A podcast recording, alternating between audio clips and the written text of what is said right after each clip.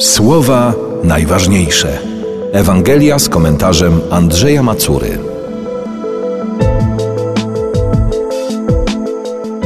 Uczeni w piśmie, którzy przyszli z Jerozolimy, mówili o Jezusie. Ma Belzebuba i mocą władcy złych duchów wyrzuca złe duchy. Wtedy Jezus przywołał ich do siebie i mówił im w przypowieściach. Jak może szatan wyrzucać szatana? Jeśli jakieś królestwo jest wewnętrznie skłócone, takie królestwo nie może się ostać. Jeżeli dom jest wewnętrznie skłócony, to taki dom nie będzie mógł się ostać. Jeśli więc szatan powstał przeciw sobie i jest sobą skłócony, to nie może się ostać, lecz koniec z nim.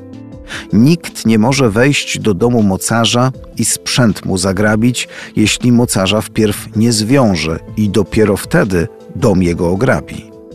Zaprawdę powiadam wam, wszystkie grzechy i bluźnierstwa, których by się ludzie dopuścili, będą im odpuszczone.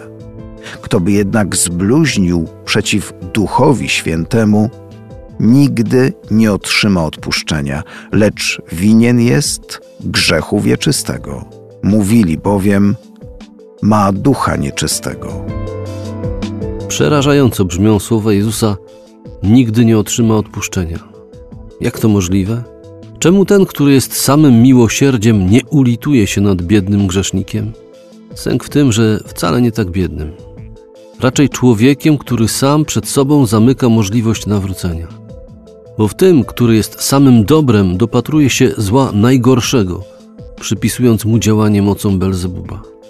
Przebaczyć komuś, kto tak podchodzi do Jezusa, byłoby zrównaniem dobra ze złem, adoracji z bluźnierstwem. Nie, dopóki taki człowiek nie porzuci swojego cynizmu, nie jest w stanie się na Boże przebaczenie otworzyć. Nie miałoby ono sensu. To chyba ważne, gdy tyle dziś mówimy o Bożym miłosierdziu. Ono jest dla skruszonych grzeszników, nie dla tych, którzy hardo obstając przy swoim, oskarżają Boga o najgorsze lub zwyczajnie nim gardzą. Słowa najważniejsze.